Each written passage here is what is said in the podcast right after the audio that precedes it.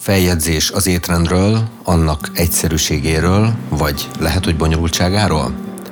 Én Kormány Krisztián vagyok, Somabres Transformational Coach, edző, életmód tanácsadó, ez pedig a Mindful Minimal Podcast, ahol bonyolult dolgokról beszélünk, egyszerűen.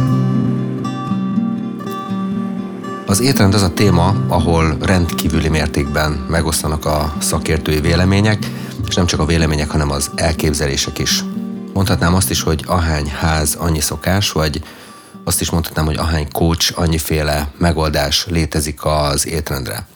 Én eddig életemben ahány emberrel találkoztam, és étrend témában elkezdtünk beszélgetni, körülbelül ugyanannyiféle jó tanácsot kaptam, és ezeknek a jó tanácsoknak egy része valóban jó tanács volt, de egy jelentős részénél azért elég meglepetten néztem, hogy vajon, hogyha ilyen komoly szinten beszélgetünk ilyen témáról, mint az étrend, akkor ezek ténylegesen, reálisan felmerülhetnek-e ezek az érvek, amiket én itt most hallok.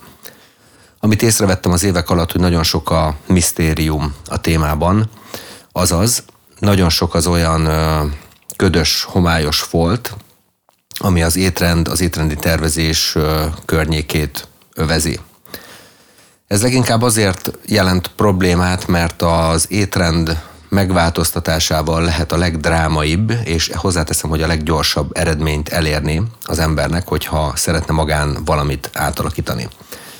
Itt most szándékosan nem használtam a fogyás szót, hiszen az étrend, az nem, az étrendi változás az nem arra való, hogy fogyjunk, bár az életmódváltás kapcsán alapvetően ott merül fel ez a téma, hogy valamennyi súlyt szeretnénk magunkról leadni, és ugye itt mindenki, amikor az étrendi változtatásról beszél, akkor alapvetően arról beszél, hogy az étrendben bizonyos megvonásokat vagy elvonásokat fogunk alkalmazni. Ezek az étrendi változások, ezek a fejünkben általában úgy élnek, hogy megvonjuk magunktól az étel mennyiséget, az ételnek a, a, a mennyiségét, amit eddig ettünk, és alapvetően azt gondoljuk, hogy ha egy kicsit kevesebbet elkezdünk enni, akkor ezek a kívánt változások már is megindulnak, azt pedig fel sem tételezzük, hogyha a jelenlegi étrendünk nem változtatunk nagyobbat, hanem csak éppen annyit, hogy most elvonunk valamennyi ételt és próbálunk fogyni, akkor ez nagyon sok esetben nem oda fog vezetni, hogy tényleges fogyás, a fogyás szót nem szeretem, inkább azt használom, hogy zsírégetés legyen a szervezetben, tehát nem fog tényleges zsírégetéshez vezetni, ellenben viszont izomépítéshez, vagy izomvesztéshez igen. Én nagyon sok olyan esetet végig zongoráztam már életemben, amikor hozzám jöttek különböző problémákkal, és akkor így jöttek ilyen alapvető dolgokkal, hogy szeretnék leadni 5 kilót, és hogy ez mekkora probléma. Hát ha le akarsz adni 5 kilót, akkor ne egyél 5 napig, és akkor megvan oldva a dolgod. Mondhattam volna ezt is, de persze, persze nem ezt tettem hanem alapvetően a súly leadások körül, hogyha ilyen probléma merül fel, akkor alapvetően az étrend környékén kell, hogy szétnézzünk. Ezt én úgy szoktam csinálni, hogy az alapvető étrendet, amiben benne van a kliens, azt elkezdem nyomon követni egy coaching applikáció segítségével adatfelmérő lapokon keresztül látom, hogy miket, miket esznek, amikor, amikor hozzám fordultok, és ezek a, az adatlapok segítenek nekem abban, hogy megnézzük, hogy az az adott étrend, amiben éppen most benne vagy aktuálisan, az miért jó, vagy éppen miért nem jó arra a célra, ahol, ahol használod. Szóval nagyon sok a misztérium a témában, és alapvetően azt gondoljuk, hogy ahhoz, hogy nekünk az étrendünk az, az sikeres legyen és támogassa azokat a céljainkat, amik a testünk transformációjához kapcsolódnak, legyen az izomépítés vagy, vagy zsírégetés, hát azokat csak nagyon homályosan és nagyon misztikusan lehet megfogalmazni. Én egyébként azt gondolom, hogy az is benne van ebben a, ebben a misztériumban, hogy szeretjük ezt a dolgot külső szakemberre bízni, vagyis áttenni a felelősséget valaki másra abból a szempontból, hogy az étrendünket azt szabályozza meg, vagy szabályozza fel, mi pedig kíváncsian várjuk az eredményt, ugye rendszerint néhány nap alatt már türelmetlen módon próbáljuk felgöngyölíteni, hogy milyen hatással van ránk ez az adott étrend. Ha egy kicsit azonban a mélyebb, mélyére ásunk ennek az étrend dolognak, akkor nagyon hamar kiderül, hogy ezek a misztériumok, ezek tulajdonképpen nem is léteznek, és mivel az elmúlt időben rengeteg étrend tervezést volt lehetőségem végignézni. Én is csináltam ilyen étrend tervezéseket, meg láttam olyat is, hogy csinálják ezeket az étrend tervezéseket. Hát ugye alapvetően azt láttam, hogyha néhány alapvető szabályt betartunk, vagy ismerünk, akkor ezeket a tervezéseket jó erős pontossággal mi magunk is meg tudnánk csinálni. És itt szándékosan alkalmaztam a feltételes módot, mert hogy meg tudnánk ugyan csinálni, de mégsem csináljuk. Én azt gondolom, hogy ennek egészen konkrét okai vannak, hogy miért nem csináljuk. Ezek a konkrét okok pedig abban keresendők, hogy nagyon kevés dolgot tudunk a szervezetünknek a tényleges működéséről. Úgy értem, hogy nagyon kevés dolgot tudunk arról, hogy mi történik azután, hogy az ételt bevesszük a szánkba, és elkezdjük megrágni. A legtöbb ember számára, és nyilván tisztelet a kivételnek és elnézést, hogyha valakit ezzel megbántok, de a legtöbb ember számára ebből a szempontból a teste az egy fekete doboz, ahol fent betolok valamit, valami történik, valami homályos dolog, aztán lent pedig ö, egyszerűen kitolok, kitolok valamit. A kettő között meg valami történik, az Isten tudja, hogy mi történik. Úgy gondoljuk általában, én most magamból indulok ki, hogy a kettő közötti dologra nem sok ráhatásunk van. Aztán a másik számomra így utólag már nagyon meglepő dolog, de mint ahogy mondtam, ezeket a példákat, amikor felhozom, ezeket nem azért hozom fel, hogy én ezektől teljesen mentes vagyok, hanem ezeken a nehézségeken és ezeken a csapdákon, ezen nekem is keresztül kellett mennem, és voltak olyan pillanatok itt a saját önátalakítási folyamatomban, amikor bizony nagyon el kellett, hogy szégyeljem magam, hogy azokat az alapvető biológiai ismereteket, amiket már általános iskolában is egyébként megtanulunk, azokat felnőtt emberként egyszerűen nem vagyok hajlandó tudomásul venni. És ezeknek az ismereteknek a nem alkalmazása pedig oda vezet, hogy egészen egyszerűen felmentettem magam, sőt függetlennek gondoltam magam attól, hogy milyen állapotba került a szervezetem, meg hogy én mit is eszem, és azt gondoltam, hogy ezek a körülményeknek az ördögi összjátékai, hogy én már pedig elhisztam, mm, rengeteg zsírt halmoztam fel, testzsírt halmoztam fel, és bevallom, én úgy gondoltam, hogy ez hát így valamennyire nekem is köszönhető, de legnagyobb részben annak köszönhető, hogy nekem ilyen az alkatom. Fogalmam sem volt arról, és ahogy látom a klienseim körében is a kliensek nagy többségének a fejében egyáltalán semmilyen elképzelés nincs arról, hogy az étrend az milyen közvetlen reakciókat vált ki a szervezetben. Arról meg pláne nincsen fogalmas sem a legtöbb embernek, hogy ezek a reakciók, amik a testünkben lefutnak, ezek nem az étel bevitelét követően majd hetek meg hónapok múlva jelentkeznek, hanem hogy azonnal. És ezt lefordítom konkrét dologra, akkor, akkor úgy tudnám megfogalmazni, hogyha én beviszek egy hibás étrendet, egy hibás makrotápanyag összetétellel és jelentős energia többlettel, akkor nem két hét múlva, hogyha ezt csinálom két hétig, akkor nem két hét múlva kezd el valami rajtam meglátszani, hanem a felesleges energiát, a felesleges energia többletet, azt a szervezetnek gyakorlatilag azonnal raktározni kell, mert nem tudja csak úgy keringetni a vérben, tehát valahova el kell pakolni a raktárokba. Vagyis azokon a napokon, amikor egy kicsit túl leszük magunkat, és annyi energiát viszünk be, amit nem tudunk felhasználni, akkor az emberi szervezet ezt automatikusan raktározásra fogja fordítani, mivel az emberi szervezetnek az a célja, hogy a hosszú távú túlélést biztosítsa, és ez a hosszú távú túlélés, ez pedig azon múlik, hogy mennyi energiát tudunk tartalékolni esetlegesen azokra az időkre, amikor ezek az energiák majd nem állnak rendelkezésre. Tehát az étrend az igenis azonnali reakciókat vált ki a szervezetben, és ezek az azonnali reakciók a hormonoknak a mozgásával írhatók le. Volt egy időszak, amikor azzal stand up előadásokon, hogy nagyon sokan keresik az elhízásuknak az okait, aztán hosszú-hosszú vizsgálatoknak az eredményeként megállapítják, hogy az ön elhízásának az oka hormonális. És ez általában megnyugtatja az embereket, hogy jó, hát akkor nem én tehetek róla, hanem hogy hormonális. Azt viszont nem nagyon közlik ezekkel az emberekkel, én legalábbis sehol nem láttam, hogy az, hogy az étel milyen reakciókat vált ki a szervezetben, azt a hormonok szintjének a mozgásával lehet leírni. Mégpedig azért, mert az étel bevitelére, bevitelével járó emésztési vércukor, vérben lévő fehérje, és így tovább tápanyagoknak a jelenléte, azok hormonális változásokat, hormonális mozgásokat igényelnek annak érdekében, hogy ezek a tápanyagok a megfelelő helyre kerüljenek el a szervezetben.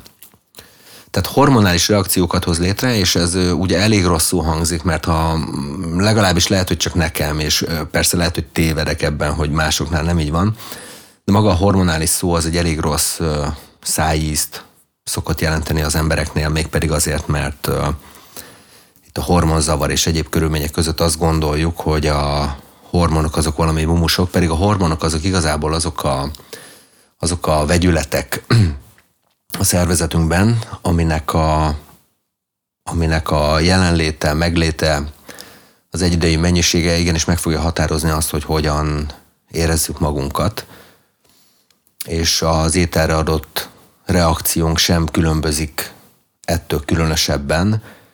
Például a kajakóma, ami kiadós étkezések után szokott lenni, az is tulajdonképpen egy hormonális reakció a szervezetben. A legfontosabb hormon, ami az étkezésben szerepet játszik, az az inzulin, mint egyes számú hormon, ami a vércukornak a mozgását hivatott kezelni, mégpedig úgy, hogy raktározás szempontjából. A másik nagyon fontos hormon pedig a növekedési hormon, ami az inzulinnak az ellentéte, vagy hát úgy tudja a szervezet termelni, hogy pont az ellentétes állapotában az inzulinnak, ami viszont a zsírégetésnek, hát nem feltétele, de mindenképpen katalizátora. Szó szokott, szóba szokott jönni az, hogy milyen típusú mm, makrotápanyag összetevők léteznek. Hát ez a makrotápanyag összetevő, ez lehet, hogy így kínai hangzik elsőre, de a makrotápanyagok azok azok a fő tápanyagforrások, ebből három van, ami alapvetően az élelmiszereket ö, alkotja. Ezek pedig a szénhidrátok, szénhidrogének, szénhidrátok vagy szénhidrogének, a zsírok és a fehérjéknek a kategóriája. A szénhidrátok azok alapvetően a növényi étrendből érkeznek, a növények által előállított különböző cukrok, keményítők, poliszaharidok, ugye összetett cukrok, rostok, és így tovább.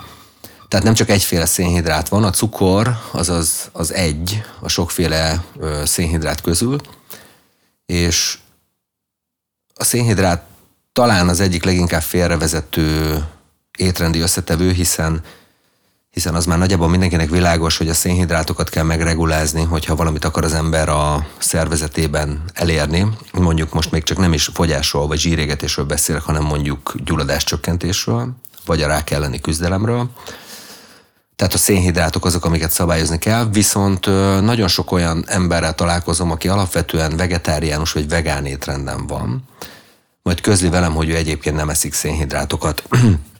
Ilyenkor felszokott merülni bennem, hogy akkor vajon mit eszik, hiszen minden növény szénhidrogénekből épül fel, és szénhidrátként működik. Az egy másik kérdés, hogy a szervezetünk a különböző kémiai összetételű, különböző kémiai kötésekkel rendelkező szénhidrátokra különböző reakciókat ad, különböző hormonális reakciókat ad, de nem azért, mert a, a hormonjaink meg tudják különböztetni ezeket a bonyolult szénhidrátokat, hanem az emésztési folyamatban, az emésztési folyamatnak a során ezeket a szénhidrátokat az emésztés során a szervezet bejutatja a véráramba, és a véráramban lévő cukrok, cukormennyiség alapján állítja be a szervezet azt a hormonális reakciót, ami, ami szükséges ahhoz, hogy a szervezetbe jutott szénhidrátok a megfelelő helyre jussanak.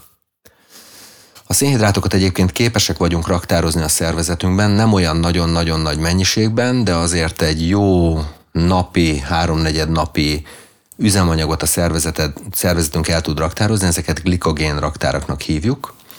Ezek a glikogén raktárak pedig alapvetően a, az izmokban vannak, tehát minél több izmod van, annál több glikogén raktárad van. Jó hír azoknak, akik izmot építenek, hogy több szénhidrátot ehetnek, illetve a szénhidrátokat még a májban tudjuk elraktározni egy korlátozott mennyiségben, sőt a szénhidrátoknak egy speciális formáját, ami a gyümölcs cukor, a fruktóz, azt viszont csak kifejezetten a májban tudjuk elraktározni. Ez a raktározás, ez egy, mondhatjuk azt nyugodtan, hogy ez egy rövid távú raktározás, tehát nem hosszú távra tervez a szervezet, amikor a szénhidrátokat raktározza, alapvetően arra készül, hogy azok oda bekerültek, de rövid időn belül fel is lesznek használva. A másik két táplálékforrás a szénhidrátokon túl a zsírok és a fehérjék, és először kezdem a fehérjékkel, mert talán az emésztés szempontjából ez van egy picit közelebb a szénhidrátokhoz. A fehérjék azok gyakran alulértékeltek, gyakran túlértékeltek a tápanyagforgalom szempontjából. Azonban azt nagyon nehéz lenne eltagadni, hogy az izmaink azok, azok, azok döntő részt fehérjékből állnak, sőt, szinte kizárólag fehérjékből állnak. Most, hogy a tömegében nézem a, az izmainkat, ami ugye azt jelenti, hogy ha a fehérjét pótolnunk kell, akkor minden valószínűség szerint a fehérje források között a különböző húsok és a különböző növényekben megjelenő fehérje források szerepelhetnek.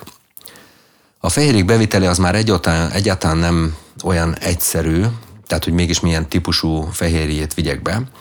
Így alapvetően azért azt lehet elmondani, hogy alapvetően az állati eredetű fehérjék, a tojás, a, most a vegetáriánus résszel kezdem, hogy a tojás, a sajt, aki fogyaszt ilyesmit, az már nagyrészt alkalmas arra, hogy megfelelő minőségű fehérjét tudjunk beépíteni az izmainkba. Sőt, az étrendi megfontolások közül, hogyha valaki tojást teszik, akkor a tojás az egyetlen olyan fehérje, amiből tulajdonképpen száz százalékban izmot tud építeni a szervezet, ha akar. Ha akar. Tehát nem feltétlenül. Ez ugye a fehérjéknél, ha eszenciálisan nézem, akkor, akkor szinte szükséges az állati fehérje, és most a vegán étkezésen lévők azok felkaphatják a fejüket, hogy nem, nem, de hát ugye vegánban is tudom, meg az eszenciális aminosavakat be lehet vinni máshonnan. Igen. A különbség az, hogy a növényi fehérjéknek a feldolgozási hatékonysága az nem fogja tudni megközelíteni azt, amit a, az állati fehérjékből tudunk kinyerni. Ugye nagyon fontos megjegyezni, hogyha beviszünk mondjuk 100 g fehérjét naponta, különböző forrásból, akkor az nem ugyanaz, hogyha azt állati eredetű fehérjéből vittük be, nem ugyanaz, hogyha sajtból vittük be, nem ugyanaz, ha tojásból, tehát még az állati eredetű fehérjéken belül is vannak különbségek, de pláne nem ugyanaz, hogyha növényi eredetű forrásból visszük be a fehérjét. Ugyanis a növényi eredetű fehérjék, a növényi forrásból származó fehérjéknek a feldolgozási hatékonysága összehasonlíthatatlanul gyengébb, mint az állati eredetű fehérjéknek. Ráadásul van egy ilyen óriási probléma, hogy a növényi eredetű fehérjékből hiányzik egy csomó minden, az még egy dolog, hogy a B12 vitamin, mert azt lehet pótolni viszonylag egyszerűen. Azonban itt van a kollagénnek a kérdése, ugyanis növényi kollagén nincs, viszont az embernek meg szüksége van rá, hiszen a fehérje állományunk 30%-a bőr, haj és így tovább, az bizony kollagénből áll, és ennek a kollagénnek a termelését a szervezet ugyan egy jó darabig tudja, és a vegán étrenden sem nagyon veszik észre az emberek, amik 20-30 évesek, de amikor a saját fehérje termelés elkezd leállni, úgy értem kollagén termelés, hát akkor a szervezet nagyon hamar és nagyon gyorsan el tud kezdeni öregedni. Tehát a fehérje pótlásban a lényeg az, hogy az állati eredetű fehérjék azok lényegesen hatékonyabban bonthatóak, és építhetőek be a szervezetbe, mint a növényi eredetű fehérjék.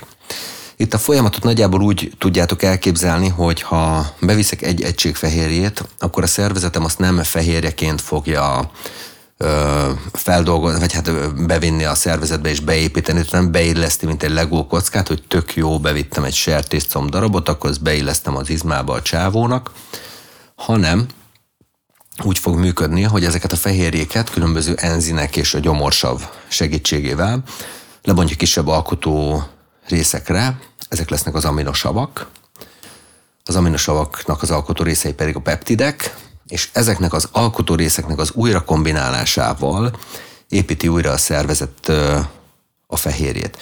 Ugye, ahogy mondtam, ezek a fehérjék, ezek aminosavakból állnak, és itt jön ki a növényi táplálkozásnak a hátránya, hogy sokkal kevésbé komplex aminosavakat tartalmaznak a növényi fehérjék, és igen, tudom, hogy vannak olyan növényi táplálékok, amik kiváló fehérje források, csak az a helyzet, hogy amik növényi eredetű fehérje források és kiválónak nevezhetők, még azoknak sem közelíti meg a hatékonyságát egy átlagos minőségű állati eredetű fehérjére vonatkozó hatékonysága vagy hatékonysági felhasználással. Tehát én soha senkit nem szoktam lebeszélni arról, hogy vegán étrenden próbáljon meg tengődni, ugyanakkor baromi fontosnak tartom, hogy a vegán étrendhez képest az állati eredetű étrend, az állati eredetű fehérje bevitel lényegesen hatékonyabb.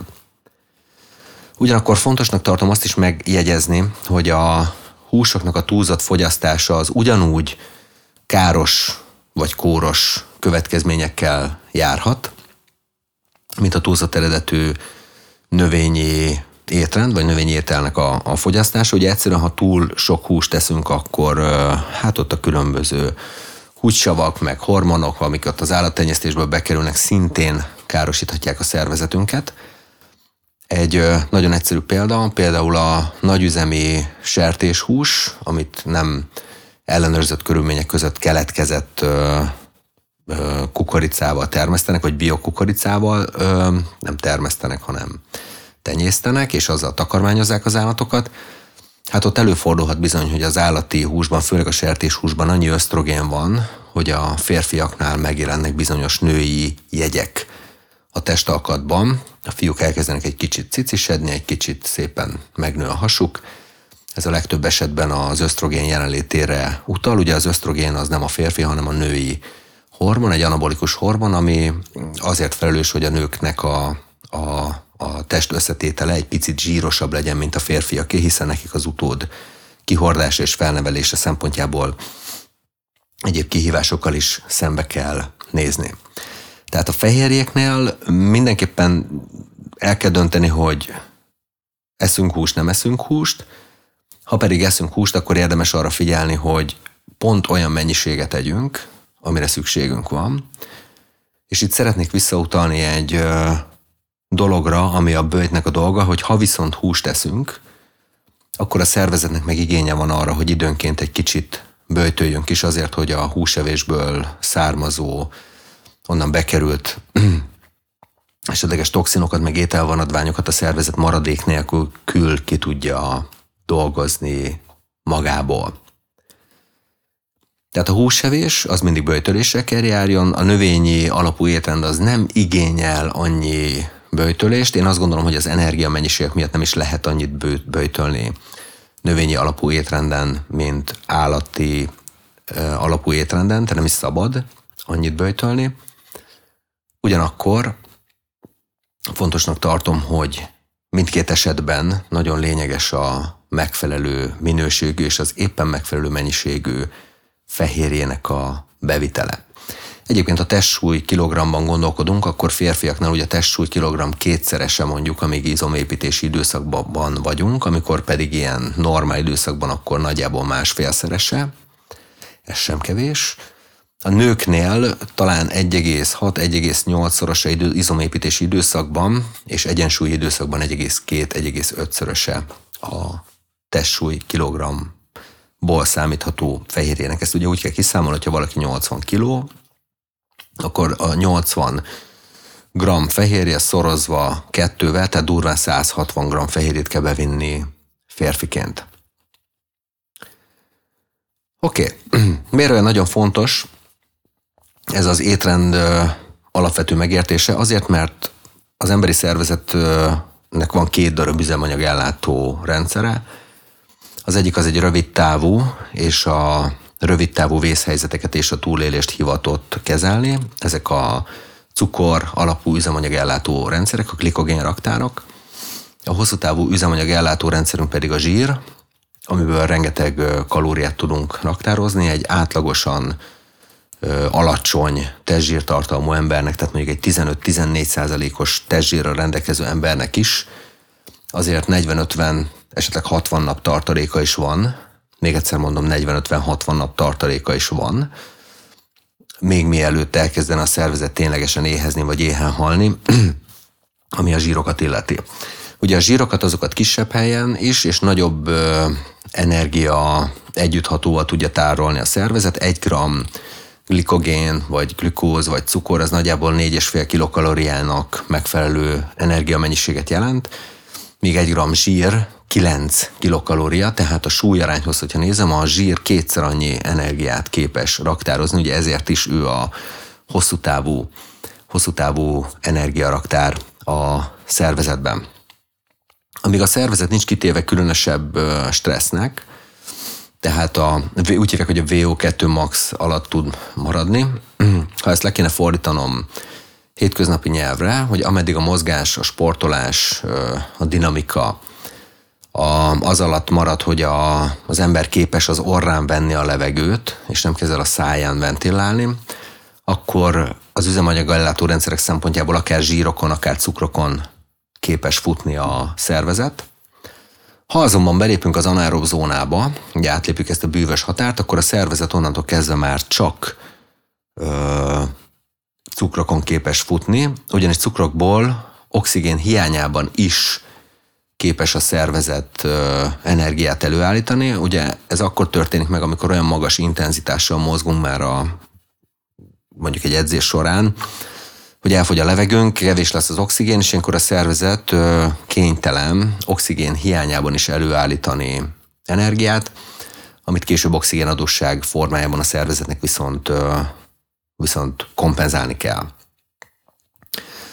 Tehát, hogyha mi szeretnénk zsírégetésben maradni, akkor nagyon fontos, hogy a szervezetünket érdemes ezzel a VO2 max tartomány alatt tartani, bár hogyha az edzésformánk arra alkalmas, mondjuk mi egy magas intenzitású, rövid, de nagyon magas intenzitású edzést csinálunk, akkor elő tudunk állítani olyan állapotot is, hogy az edzés során kiégetjük a glikogén raktárakat, és ahogy kilépünk az edzésről, onnantól kezdve átváltunk sírégetésbe.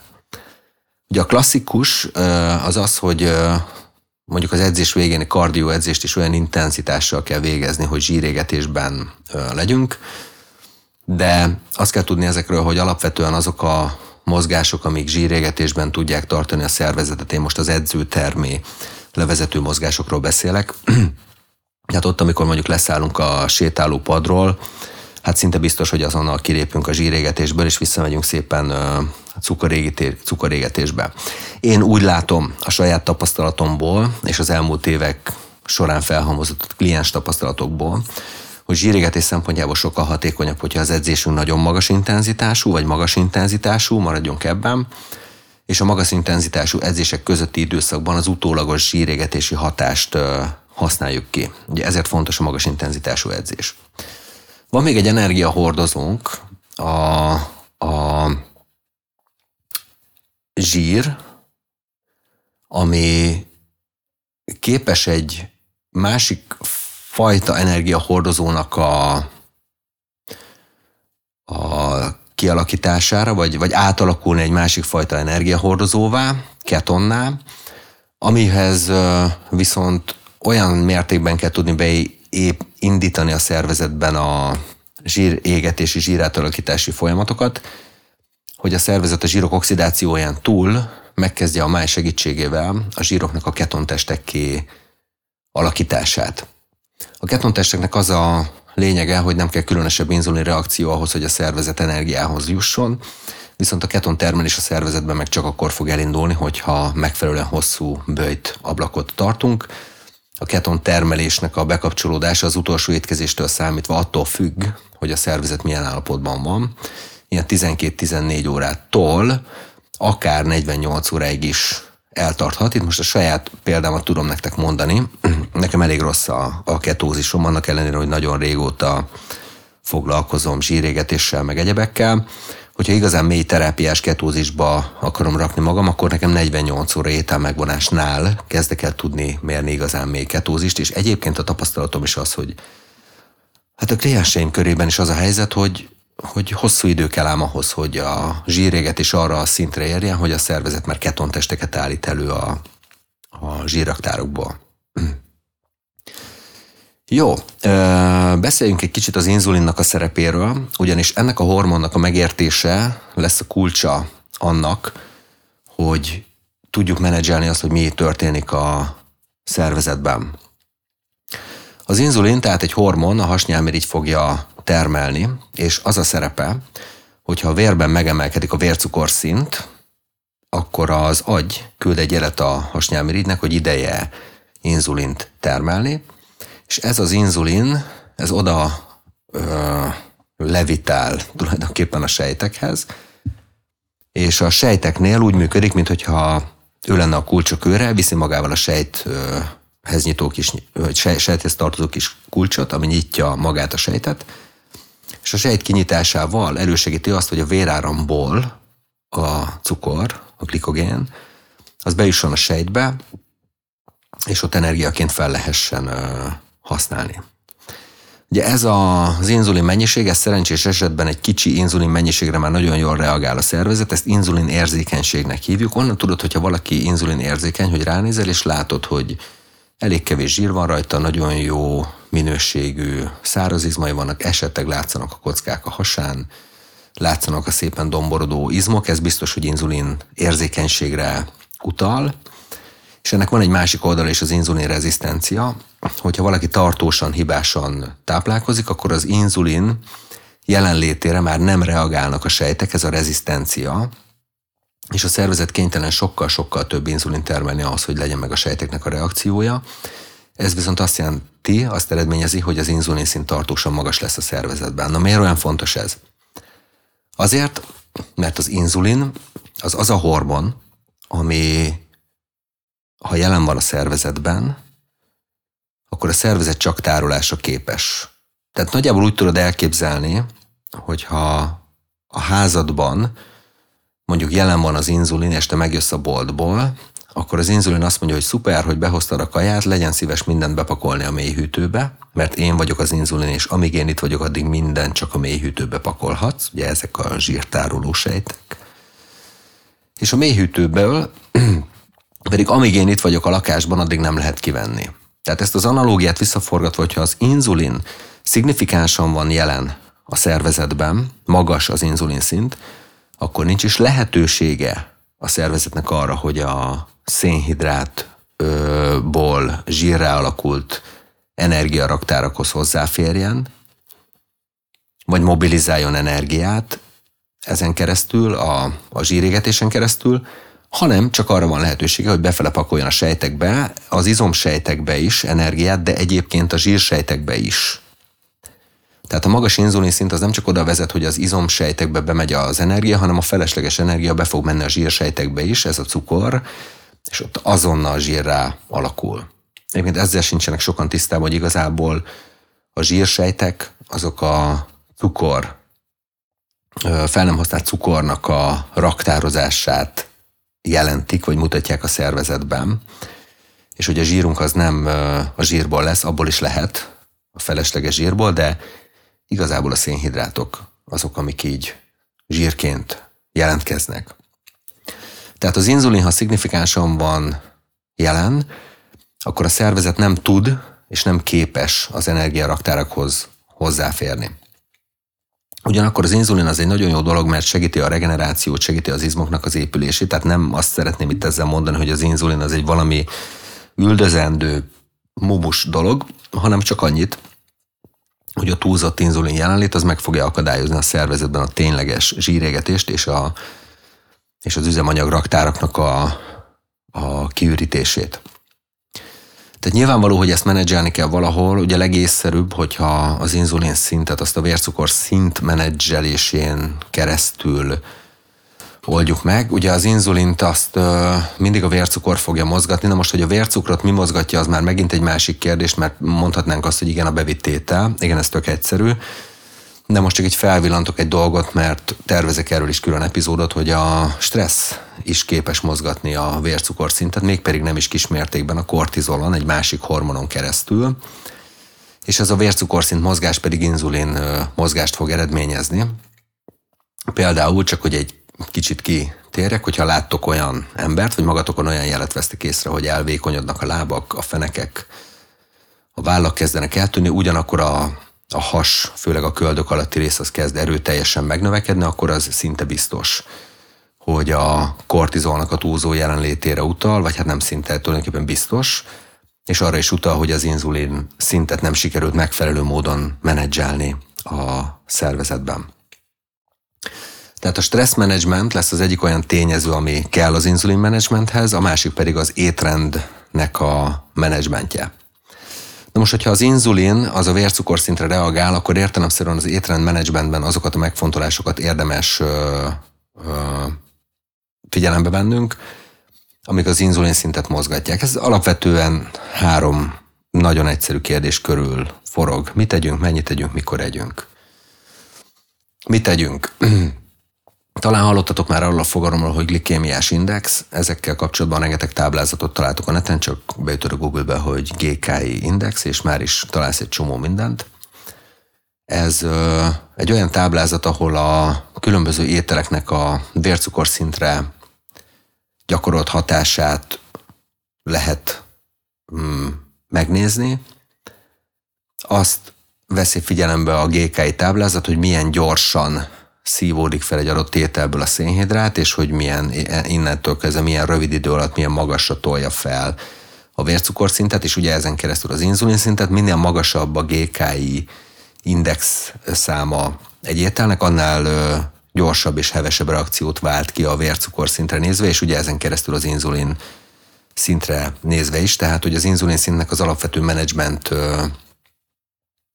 része az étrend oldaláról az, hogy alacsony GKI index rendelkező ételeket fogyasszunk.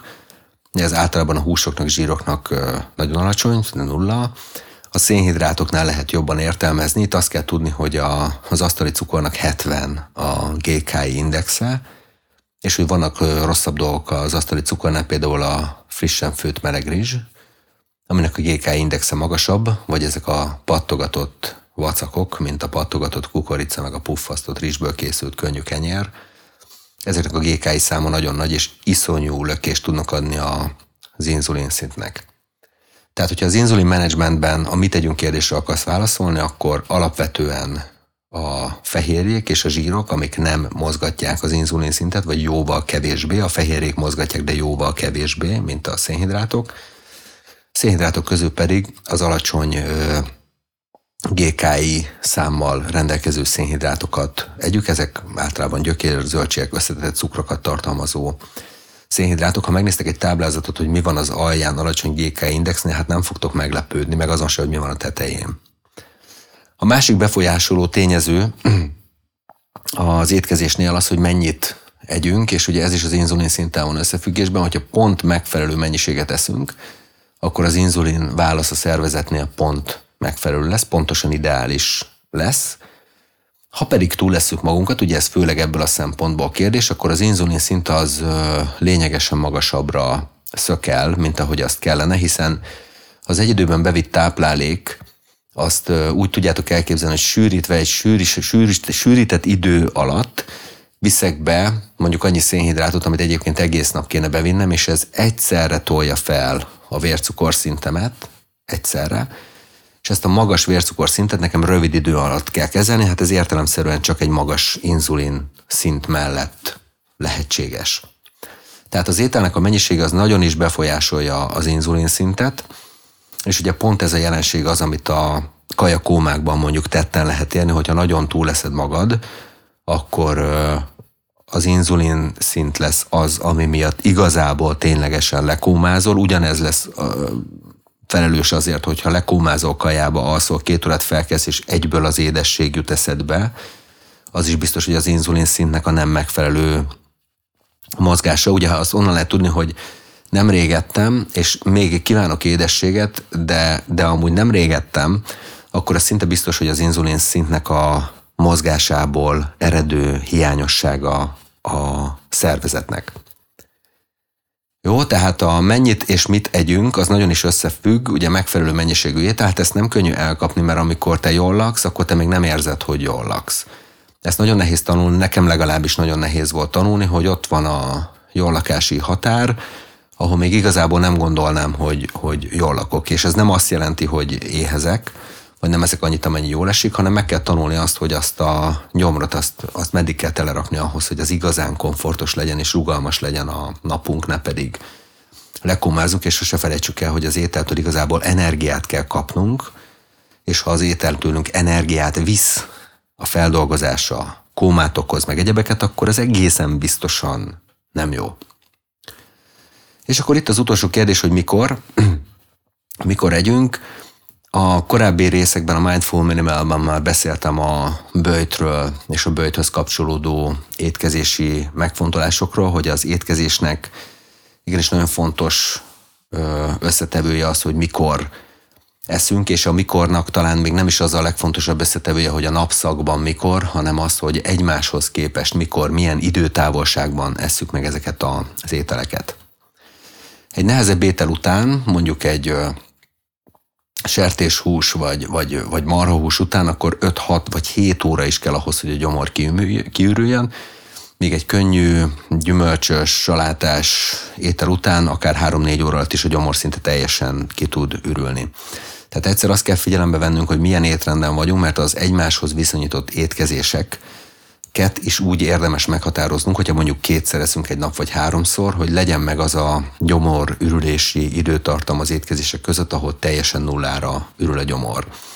Ebben a koncepcióban mindössze annyit érdemes megérteni, hogy a gyomor is nagyon hasonlóan működik egy főzőedényhez, hogy amikor elkészítesz egy ételt, és belerakod mondjuk vasárnapi leveshez belerakod a csirkecombot, meg a zöldséget, meg mindent a levesbe, és elkezded főni, akkor ugye nem olyan jó ötlet, hogyha két óra múlva belelaksz még két csirkecombot, meg egy sertéskarajt, mert az már nem fog olyan mértékben megfőni, és a gyomrot is valahogy így képzeljétek el, hogyha te bevitted a reggelidet, és te utána még a délig tartó időszakban még mit tudom én milyen kajákat rá tolsz, amit mondjuk még emészteni is kell ráadásul, pluszban, tehát mondjuk zsíros, fehérjes étel, akkor az nem lesz nem lesz komfortos a gyomornak.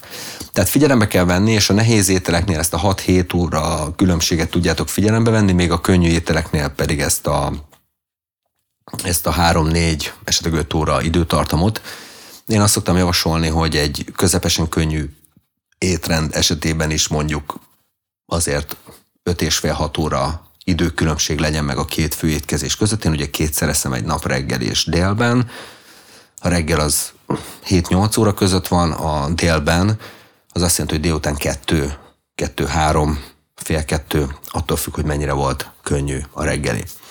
A másik nagy kérdés, és érdemes figyelembe venni, hogyha nem vagy vegán étrenden, akkor az időszakos bőjtnek a fogalmával érdemes megismerkedni. Főleg azoknak, akik szeretnek enni, hiszen a bőjt lesz az, ami lehetővé teszi, hogy sokkal szabadabban bánja makrotápanyagokkal, főleg az energiatartalommal, mert a szervezet fel fogja tudni dolgozni.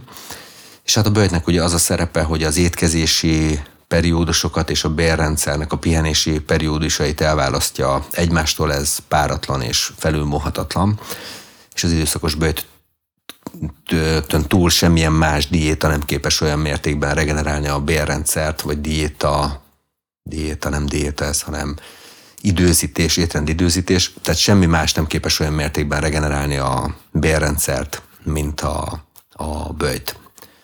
Alapvetően napi szinten a 14-16 óra bőjt már ahhoz elegendő, hogy ne romoljon tovább a helyzet, és ezt a műfajt azért lehet csiszolni, finomítani, hiszen egy kicsit hosszabb böjtökkel, mondjuk férfiak esetében ilyen 18 órás böjtök naponta, és egy 4 órás étkezési ablak, mondjuk egy fő étkezése, meg egy kis csipegetése nagyon jól tud működni. főleg egy a tavaszi időszakban, ha pedig izomépítésről van szó férfiak esetében, akkor legalább napi két étkezést tudnék javasolni, és egy 16 órás, 15 órás bőjtablakot hozzá nagyon-nagyon hatékony lesz. A nők esetében egy picit megfontoltabban ajánlanék bőjtöt. A nőknek nem való annyira a napi szintű hosszú bőjtölés, meg a napi egy-két kajálás, mert nagyon fel fogja tolni a tesztoszteron szintet, és le fogja tolni az ösztrogén szintet. Ennek a fiúk körülnek, de a lányok annyira nem mert hogy a nőiesség kárat láthatja. Ez annyira igaz egyébként, hogy nőknél, akik nagyon tolják ezt a bőjti témát, és nem veszik figyelembe, hogy nőként 14-16 óra sokkal ideálisabb, mint, mint mondjuk 18-20 óra bőjt naponta, ott a menstruációs ciklust is képes megzavarni a nem megfelelő bőjt választás.